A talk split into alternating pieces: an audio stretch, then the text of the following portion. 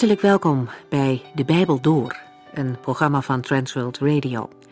De Bijbel Door is een radioserie die u in vijf jaar meeneemt door de hele Bijbel. Van Genesis 1 tot Openbaring 22.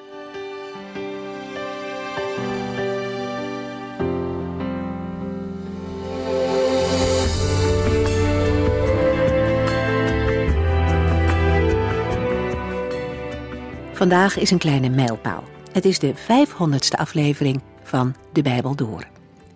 Corveda neemt ons zometeen weer mee naar het laatste hoofdstuk van 1 Corinthiërs. In de eerste acht versen begint Paulus met de kern van het christendom, namelijk dat Jezus Christus voor onze zonde gestorven is en dat hij weer is opgestaan. In dit hoofdstuk zal de apostel verder uitleggen hoe fundamenteel en belangrijk het geloof in die opstanding is. Ook in de tijd waarin Paulus leefde waren er al mensen die de opstanding van Christus uit de dood niet geloofden. Maar dat is de basis van onze redding. Paulus roept de Corinthiërs en met hen ook allen die deze brief lezen op om vast te blijven houden aan wat ze geleerd hebben. Want, zegt hij, wie niet in de opstanding gelooft, kan net zo goed helemaal niet geloven. Vervolgens somt Paulus op hoeveel mensen de Heer Jezus na zijn opstanding hebben gezien. Opvallend daarin is dat Petrus even apart genoemd wordt. De Heer Jezus is bij de discipelen gekomen toen ze bij elkaar waren, maar eerst is hij afzonderlijk bij Petrus geweest. Deze discipel had niet alleen het verdriet dat Jezus was gestorven, Petrus moest ook nog eens verder leven met de wetenschap dat hij zijn meester had verraden. Dat was zijn laatste daad geweest en hij had het niet meer goed kunnen maken. En juist bij Petrus komt Jezus eerst. Wat er besproken is, blijft voor ons verborgen. Maar het is wel rechtgezet, zodat Petrus verder kan in de bediening die God voor hem had. Petrus werd dus niet afgewezen omdat hij gezondigd had.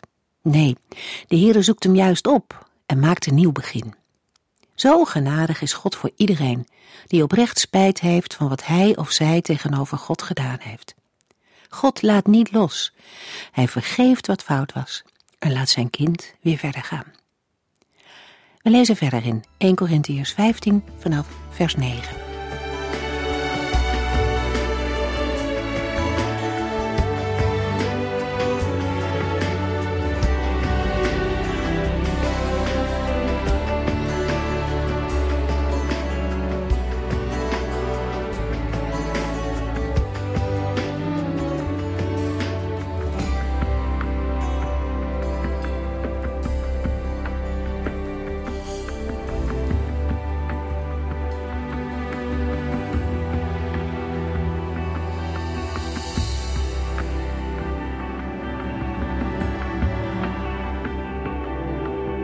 Vorige uitzending hebben we gelezen in 1 Corinthians 15, vers 3 en 4 dat de apostel Paulus het belangrijkste van het goede nieuws, lees het evangelie, heeft doorgegeven aan de Corinthiërs.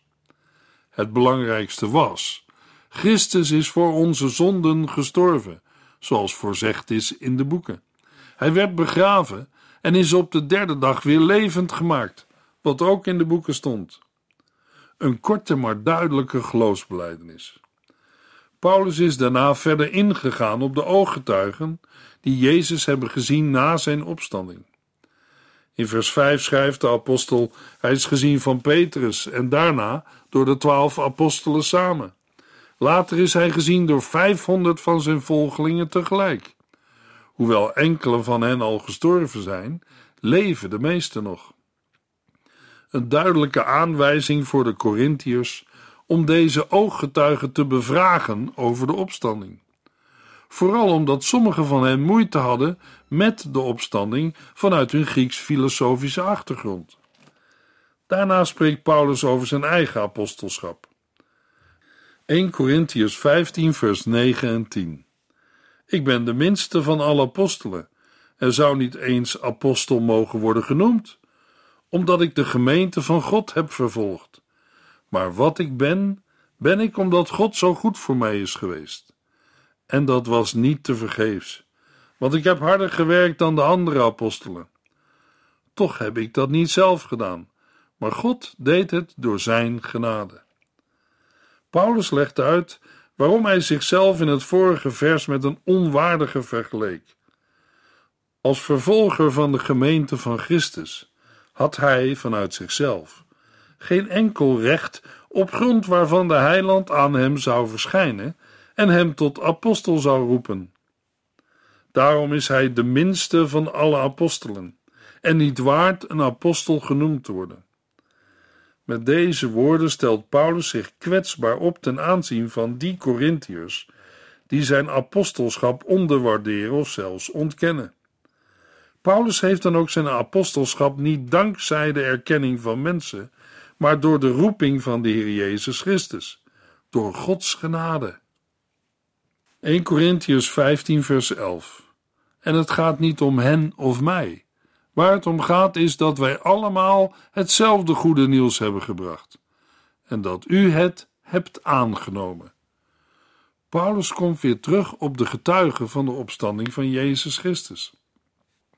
Hij zelf en de andere getuigen, in het bijzonder de andere apostelen, hebben dit evangelie verkondigd. En de Corinthiërs hebben het getuigenis van de vergeving van de zonde en de opstanding van Christus aangenomen en zijn tot geloof gekomen. De opstanding van Christus hoort bij het fundament van het christelijke geloof. Aan de Romeinen schrijft de apostel in Romeinen 10, vers 9 tot en met 13: Want als u zegt dat Jezus Christus uw Heer is, en als u met heel uw hart gelooft dat God hem uit de doden heeft opgewekt, zult u gered worden. Door met heel uw hart op Christus te vertrouwen, wordt u rechtvaardig verklaard. En door daarvoor uit te komen, wordt u gered. Zo staat het ook in de boeken: wie op hem vertrouwt, zal niet teleurgesteld worden. En het maakt geen verschil of u Jood bent of niet. God is Heer over allen. Hij geeft zijn rijkdom aan alle mensen die een beroep op hem doen. Want er staat ook: ieder die de naam van de Heer aanroept, zal gered worden. Geen van de Corinthiërs zal de opstanding willen ontkennen. Daarom neemt Paulus de algemeen aanvaarde en erkende lichamelijke opstanding van Christus als basis voor zijn onderwijs over de lichamelijke opstanding van alle gelovigen. Het evangelie berust op feiten. Paulus geeft aan dat de Corinthiërs het evangelie hebben aangenomen en geloofd. Daarmee hebben zij Christus zelf ontvangen. Wat betekent het als iemand Christus aanneemt? Dat vertelt de evangelist Johannes ons in Johannes 1, vers 11 tot en met 13. Hij kwam in zijn eigen land, maar zijn eigen volk heeft hem niet aanvaard. Maar alle die hem wel aanvaard hebben en geloven in zijn naam, heeft hij het recht gegeven kinderen van God te worden. Zij worden opnieuw geboren, niet op natuurlijke wijze, of vanuit menselijk verlangen, of omdat een mens dat wil, maar ze zijn uit God geboren. Christus ontvangen of aannemen betekent in zijn naam geloven. Luisteraar, hebt u de Heer Jezus Christus aangenomen? Als u de Heer Jezus hebt aangenomen, begint het leven met God. In de versen 1 en 2 van 1 Corinthiërs 15 laat de apostel dat ook zien aan de Corinthiërs. Ze hebben het goede nieuws aangenomen en dat is nu de basis van hun leven. Maar daarna volgt in vers 2: Als u blijft bij wat ik u heb gezegd, is dat uw redding. Geloof is niet iets van neem de Heer Jezus aan en dan is alles geregeld en klaar. Nee, dan begint het pas. Een gelovige moet blijven bij het woord van de Heer en ernaar leven. Het is te vergelijken met het ja-woord bij een huwelijkssluiting. Dan begint het huwelijk pas. Als u de feiten van het evangelie aanvaardt en gelooft, daarnaast blijft en leeft bij het woord van God, is dat uw redding. Spurgeon, een bekende prediker uit Engeland, schrijft in een van zijn boeken: Het is niet uw vreugde in Christus die u redt, en ook niet de hoop op Hem. Het is Christus zelf, het is Zijn bloed en verdienste. 1 Corinthians 15, vers 12. Als u nu het heerlijke nieuws hebt gehoord dat Christus weer levend is geworden, hoe kunnen sommigen van u dan zeggen dat er geen enkele dode ooit weer levend wordt? Pas in vers 12 komt de eigenlijke dwaalleer aan de orde. Sommige van de Corinthiërs beweren dat er geen opstanding van doden is. Wat bedoelden zij met deze uitspraak? Onder invloed van de in hun dagen aanvaarde Griekse filosofie brachten deze dwaalleraren een strikte scheiding aan tussen de geest en de materie, het lichaam. Ze hadden een hoge waardering voor het geestelijke, maar minachten het stoffelijke. Als mensen die behoorden bij de christelijke gemeente, zullen zij zeker geloofd hebben dat de geest van de mens op een bepaalde manier na de dood voortbestaat. Maar vanuit hun Griekse achtergrond konden zij niet aanvaarden dat het lichaam van een mens weer tot leven wordt gewekt. Maar om in het eeuwige leven deel te kunnen hebben aan Gods heerlijkheid en betrokken te zijn bij de hemelse werkelijkheid, is een verheerlijk lichaam nodig. Als de prediking over Christus nu inhoudt dat hij lichamelijk uit de doden is opgestaan, een prediking die door alle gelovigen is aanvaard en voor waar is aangenomen, waarop hun geloof is gebaseerd, hoe kunnen zij dan beweren dat er geen opstanding van doden is? Aan de hand van de opstanding van Christus laat Paulus het onlogische van hun denkwijze zien. Het ging niet speciaal om de ontkenning van de opstanding van Jezus Christus, maar de aangesproken Corinthiërs geloofden helemaal niet in een opstanding. 1 Corinthiërs 15 vers 13 Als zij gelijk hebben, is Christus ook niet uit de dood teruggekomen. Paulus toont aan dat het uitgangspunt van deze Corinthiërs tot niets leidt. Als het waar zou zijn dat er geen opstanding van doden is, dan zou ook Christus niet zijn opgewekt. Als het herleven van een gestorven lichaam onmogelijk zou zijn, dan zou het lichaam van Christus nog in het graf moeten liggen. 1 Corinthians 15, vers 14.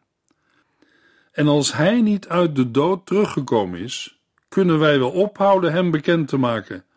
Dan is het zinloos in hem te geloven. Paulus zet op basis van het uitgangspunt van de Corinthiërs de redenering voort. Als Christus niet is opgewekt, dan is de boodschap van het evangelie leeg en zinloos en heeft geen werkelijke inhoud of kracht. Dan is ook hun geloof zinloos en leeg. Dat wil zeggen, het is op niets gebaseerd en kan ook niets uitwerken. Het heeft dan ook geen zin om het evangelie bekend te maken. 1 Corinthiërs 15, vers 15. Erger nog, dan zijn wij bedriegers, omdat wij tegen God in hebben verklaard dat Hij Christus weer levend heeft gemaakt. Als er geen doden weer levend worden, kan dat niet waar zijn. De volgende stap in de lijn van vers 13 en 14 is dat als Christus niet is opgewekt, Paulus en de andere apostelen bedriegers zijn die in plaats van in dienst van God te staan een vals getuigenis afgeven. Omdat ze met een beroep op zijn naam leugens verkondigen, namelijk de leugen dat hij Christus heeft opgewekt. 1 Corinthians 15 vers 16 en 17 Als er geen doden levend worden, is Christus ook niet weer levend gemaakt. En als Christus niet weer levend geworden is, dan heeft uw geloof geen betekenis en zijn uw zonden niet vergeven. Paulus herhaalt de woorden van vers 13 om de volgende verse in te leiden. Die volgende versen gaan over het feit dat als Christus niet weer levend geworden is, ook de resultaten van zijn opstanding geen betekenis hebben.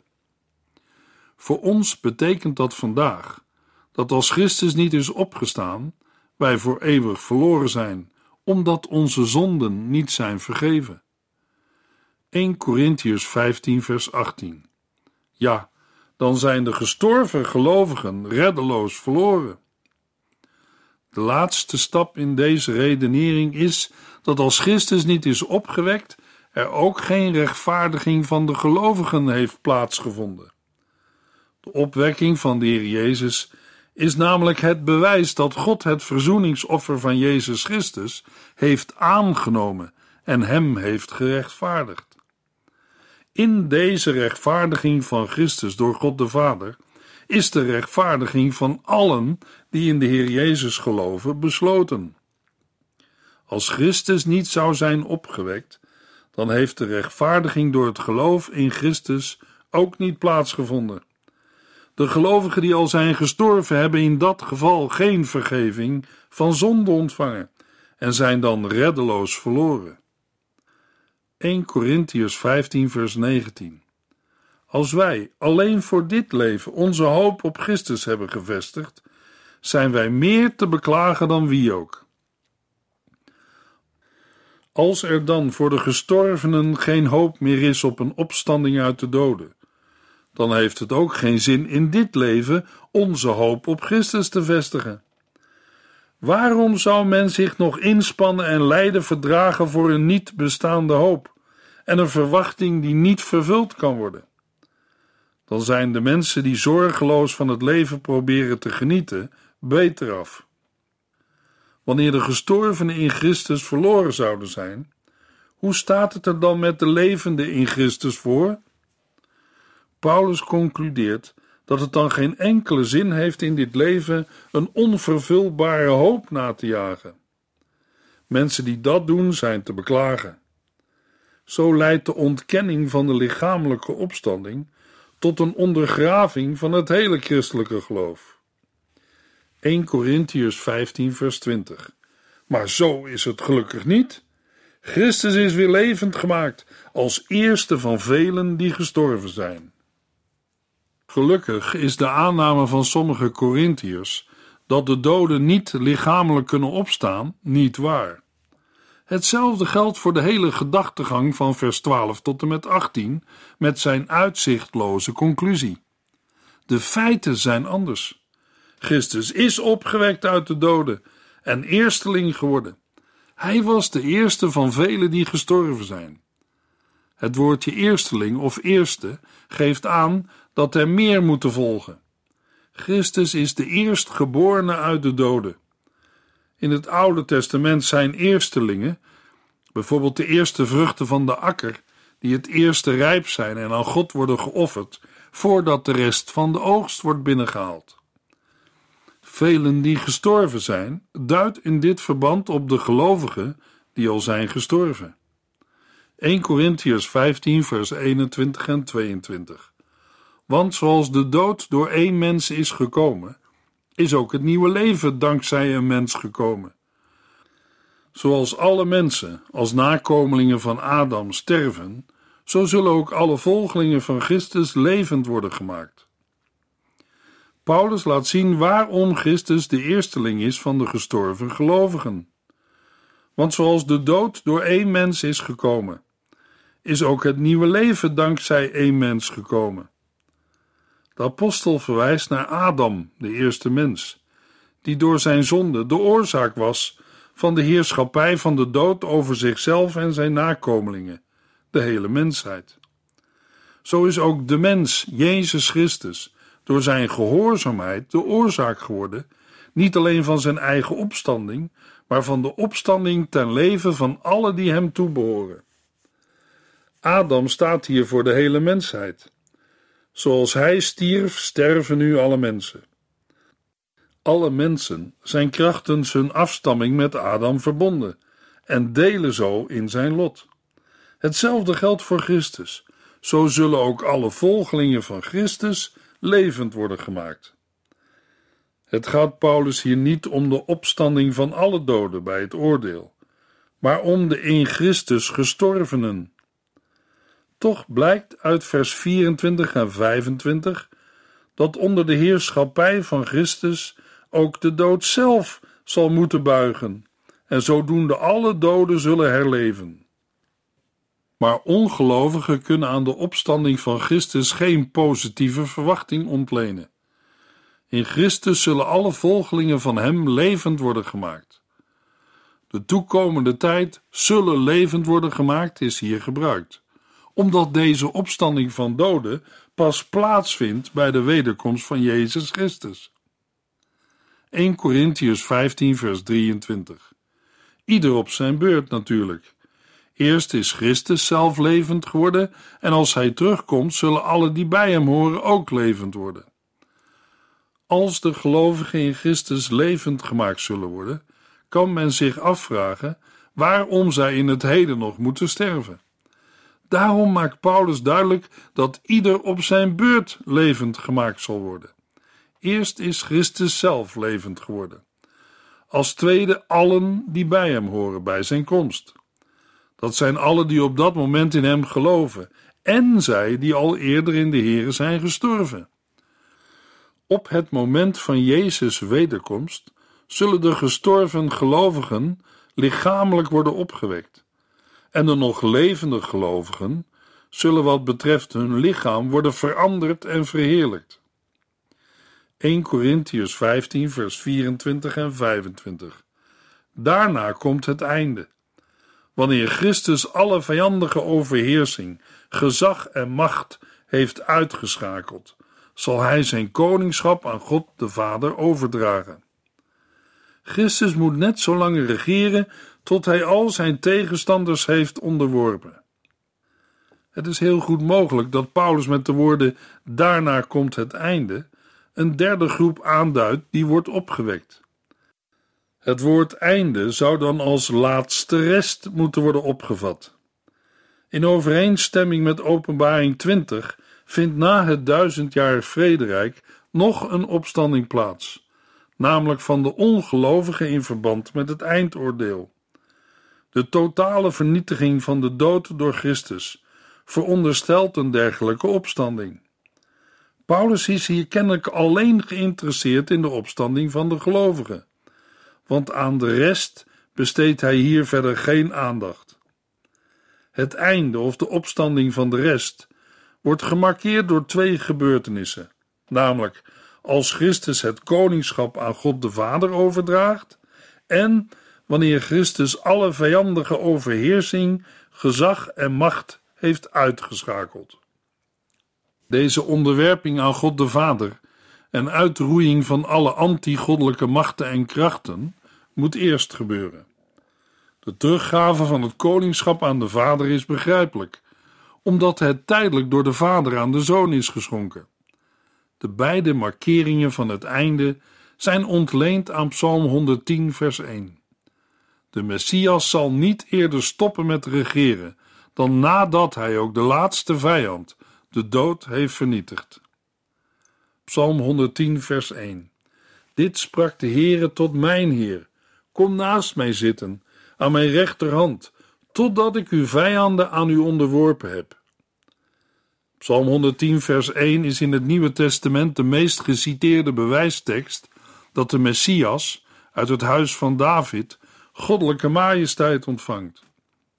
Paulus laat hier vooral uitkomen dat het een goddelijke beslissing is dat de Messias blijft regeren tot het moment dat God alle vijanden onder zijn voeten heeft gelegd. 1 Corinthians 15 vers 26 tot en met 28. De laatste vijand die uitgeschakeld wordt is de dood, want God heeft alles aan Christus onderworpen. Maar als God zegt dat hij alles aan Christus onderworpen heeft, is hij daar natuurlijk zelf van uitgesloten. En als alles eenmaal aan Christus onderworpen is, zal ook hij zich aan zijn Vader onderwerpen. Dan zal alles en iedereen volledig door God worden beheerst. Waarschijnlijk moeten we de verwijzing naar Psalm 110 zien als een tussenvoegsel en is vers 26 de voortzetting van vers 24. De dood wordt hier voorgesteld als een boze macht die de mensheid in zijn greep heeft.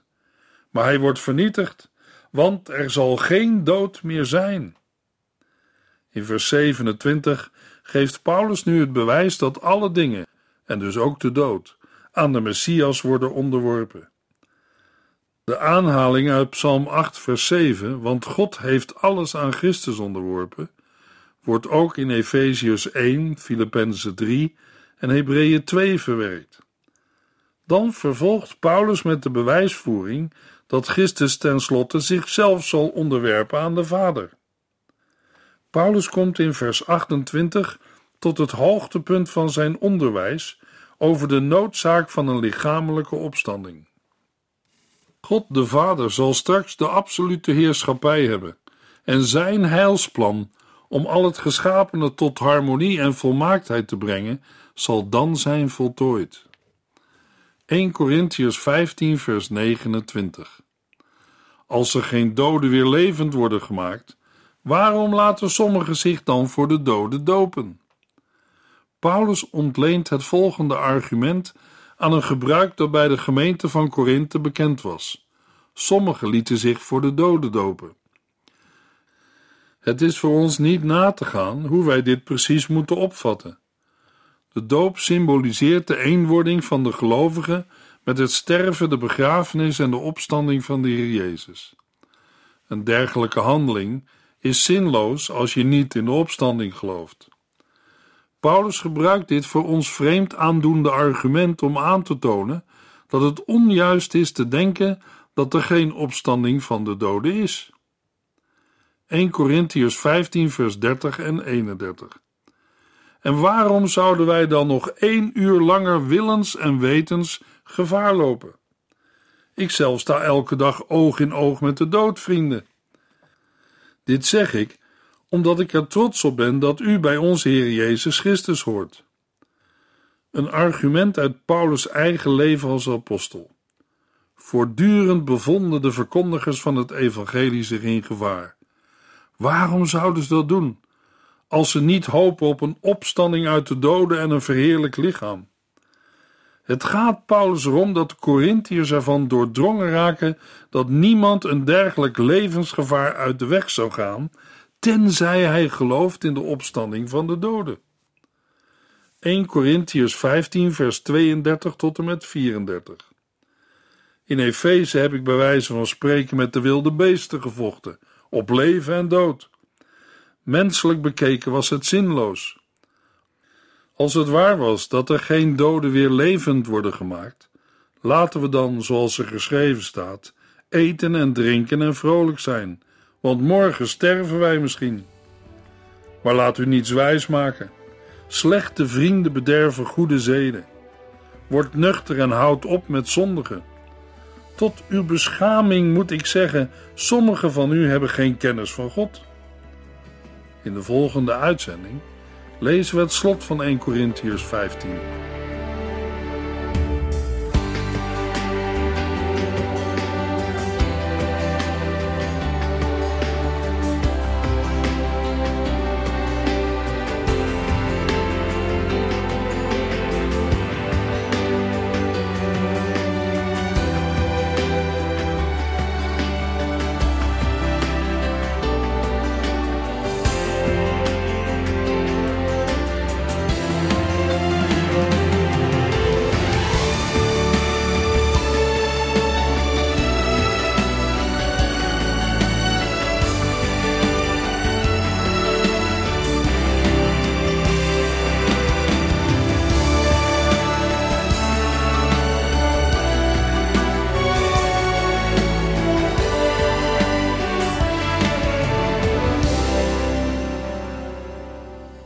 Geluisterd naar De Bijbel Door. In het Nederlands vertaald en bewerkt door Transworld Radio. Een programma waarin we in vijf jaar tijd de hele Bijbel doorgaan. Als u wilt reageren op deze uitzending of u heeft vragen, dan kunt u contact met ons opnemen. Tijdens kantooruren kunt u bellen op 0342 47 8432. 0342 47 8432. 32. Ook kunt u een e-mail sturen naar de Bijbel door transworldradio.nl en natuurlijk kunt u ook via de post ons bereiken. TWR, postbus 371, postcode 3770, AJ in Barneveld. Dit programma werd gepresenteerd door Cor Weda en Ike André. Techniek was in handen van Odin van Woerdekom. En wij allemaal bedanken u voor het luisteren. Graag tot de volgende keer.